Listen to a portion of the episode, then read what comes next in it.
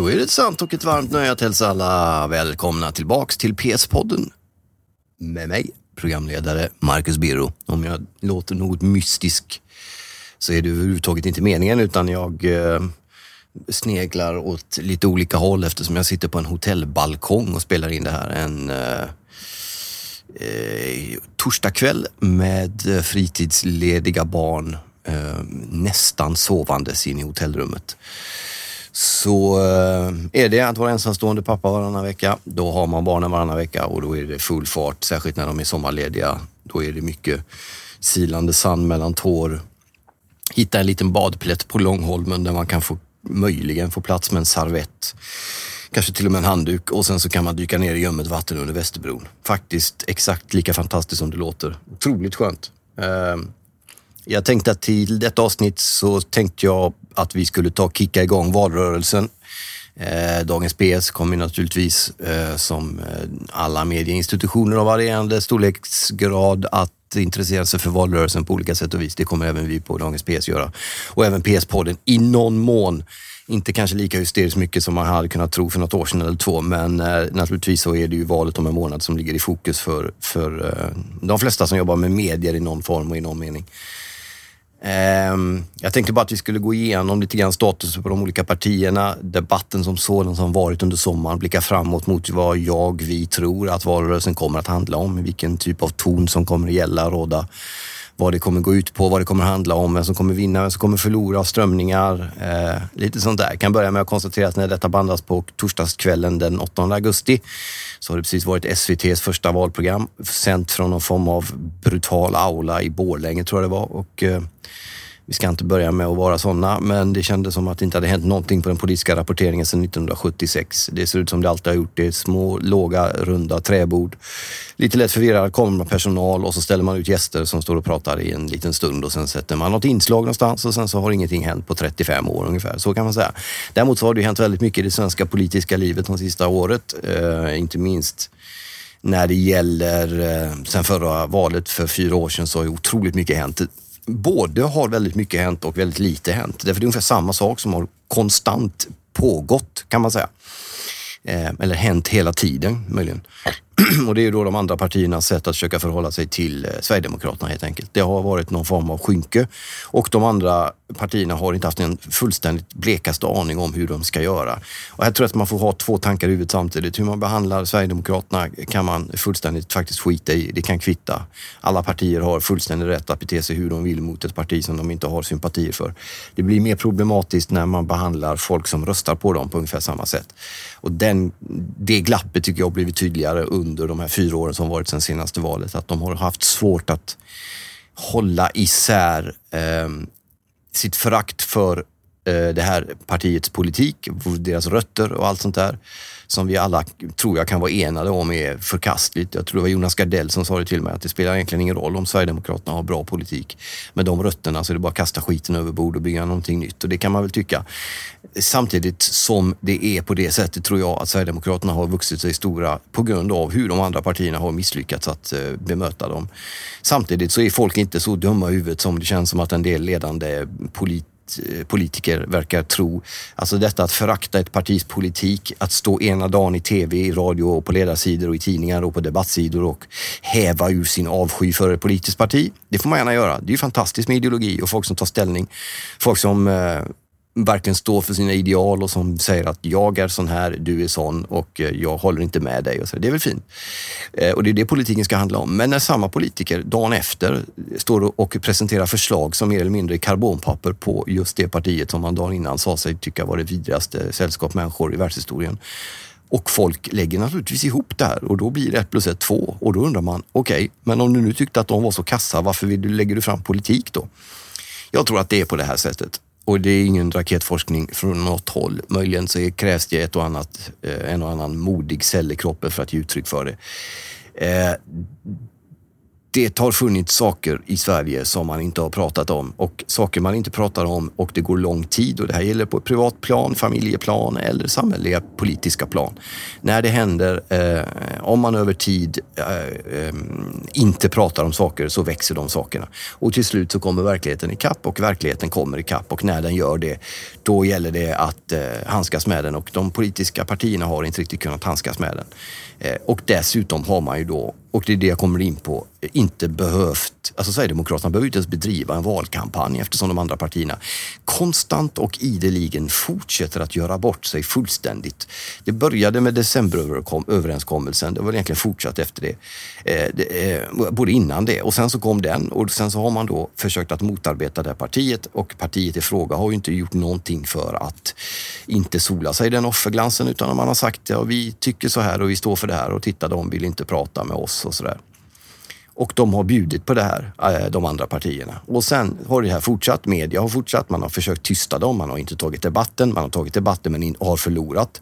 Verkligheten kom ikapp 2015 när det gäller vissa saker och det blev svårt för de etablerade partierna att hålla fast i en politik som uppenbarligen inte, inte funkade. Och så fortsatte man ge grönt kort till det här partiet och det är fullständigt obegripligt att det kan sitta välavlönade män och kvinnor i de här partiernas styrelser och högt upp i organisationer och eh, bedriva någon form av både valtaktik som det är nu men även taktik innan och har på punkt efter punkt och över så lång tid totalt misslyckats med allting som handlar om hur man ska handskas med det här partiet. Det, det är otroligt intressant att sitta på parkett och kolla på det här alltså.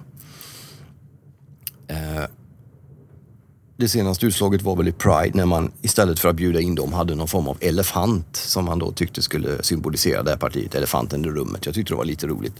Men många blir skitförbannade och jag kan förstå det. Och så där har det liksom fortsatt och den mediala eliten vet inte heller hur de ska göra. Och så ser det ut som det gör. Och hela, och det här har ju då vridits ur händerna på den politiska eliten som gör att viktiga frågor som, som skola, som omsorg, som vinster i välfärden, som miljön framför allt, inte minst efter den här sommaren med klimatförändringar och, och eh, rekordhetta och, och skogsbränder och allt sånt där. Alla de frågorna kommer liksom på andra, tredje plats därför att det är saker som många partier och många människor över lång tid inte har vågat, orkat, kunna prata om. Och därför vill man prata om det. Samtidigt som det finns ju på det sättet när det gäller brister i sjukvård, brister i äldrevård, eh, skolan, eh, omsorgen och allt det där. De här stora tunga frågorna.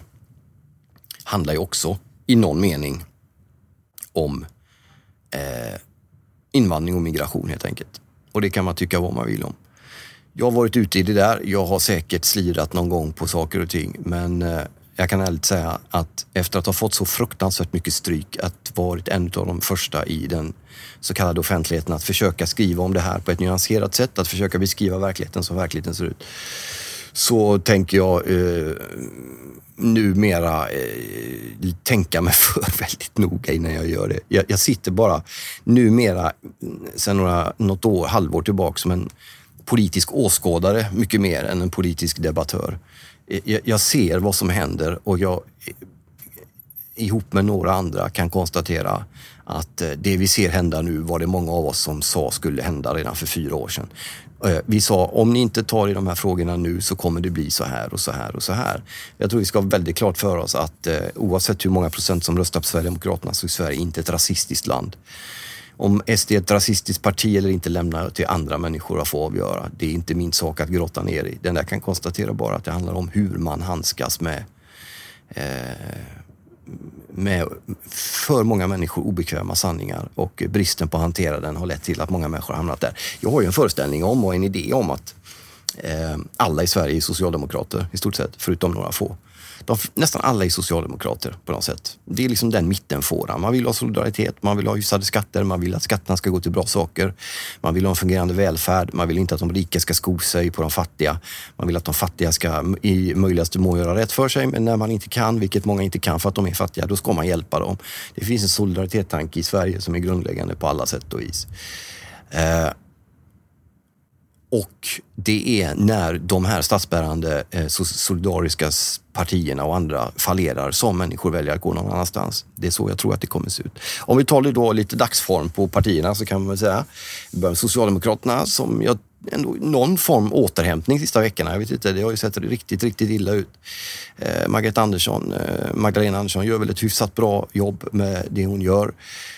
De har dock lite svårt att få de här eh, siffrorna på att Sverige går väldigt bra att bryta igenom i opinionen eftersom det, det, det finns ett förtroendekapital som är förbrukat när det gäller socialdemokratin hos många väljare och den, den känslan känns. Så de ligger väl uppe och skvalpar på en tvåstjärna kan man säga, två plus möjligen. Eh, Liberalerna likaså, 2 plus. Jan Björklund, otroligt sympatisk, eh, ideologisk, eh, bra talare. Jag tycker om honom. Han pratar om sin mamma eh, 300 gånger varje tal och det är lika bra varenda gång. Åh, oh, hör ni klockorna? Fattar du eller? Det är ödesmättat. Eh, men de är också nere på en 2 plus-stjärna inför valrörelsen kan jag säga. Eh, såg honom dock nu då i det här erbarmliga tv-programmet. Jag tyckte väl att han såg relativt hyfsat stabil ut ändå. Måste man ge honom.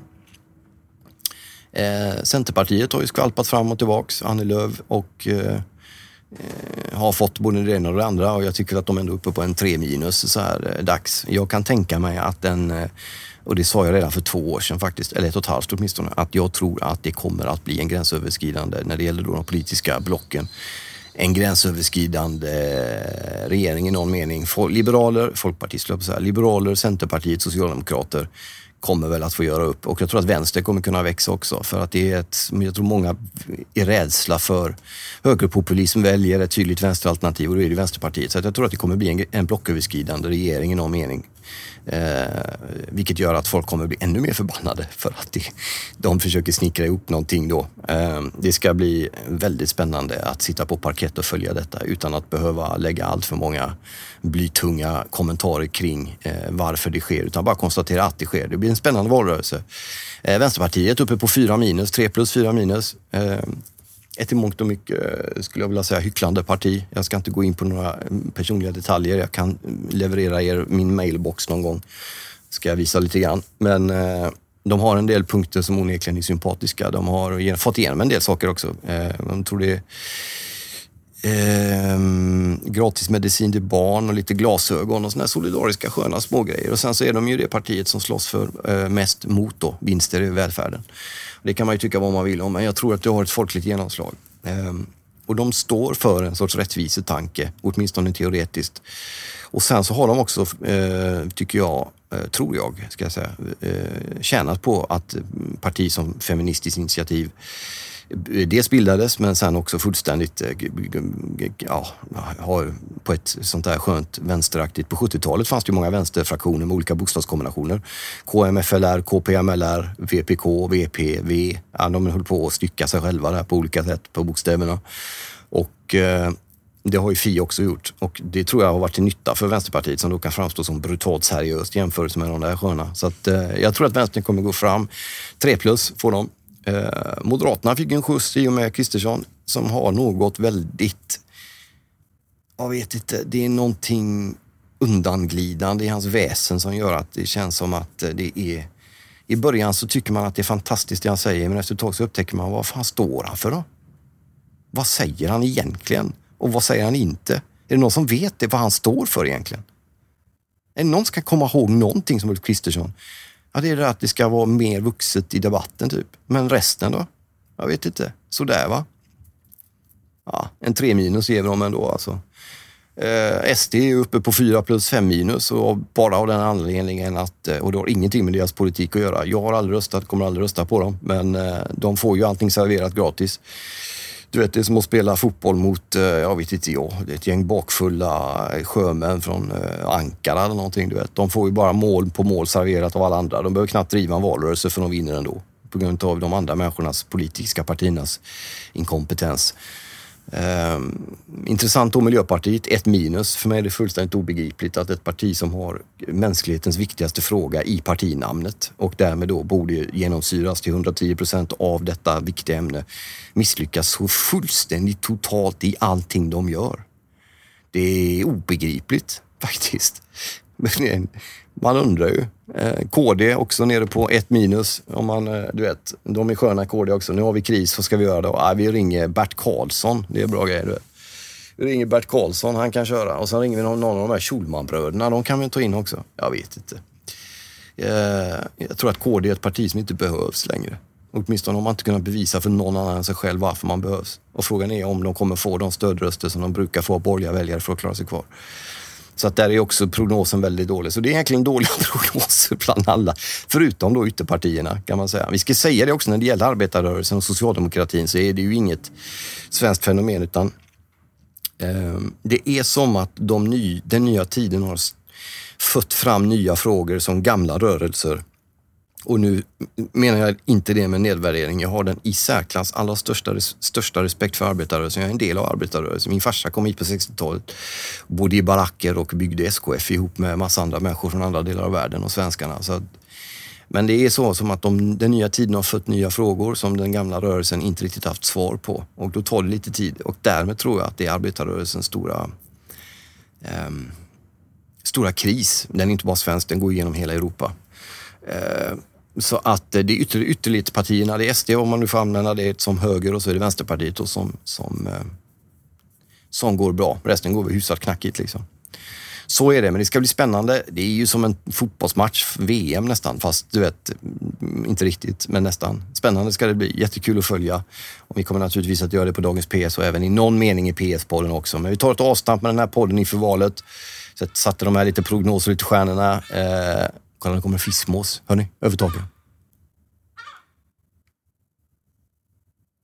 Ja, han tystnade precis när han flög över. Um, tack för att ni har lyssnat. Tack för att ni är med. Uh, fortsätt att följa oss på Dagens PS med, med glatt hjärta. Eh, uh, PS-podden är tillbaka nästa vecka igen också. Ta hand om er så länge.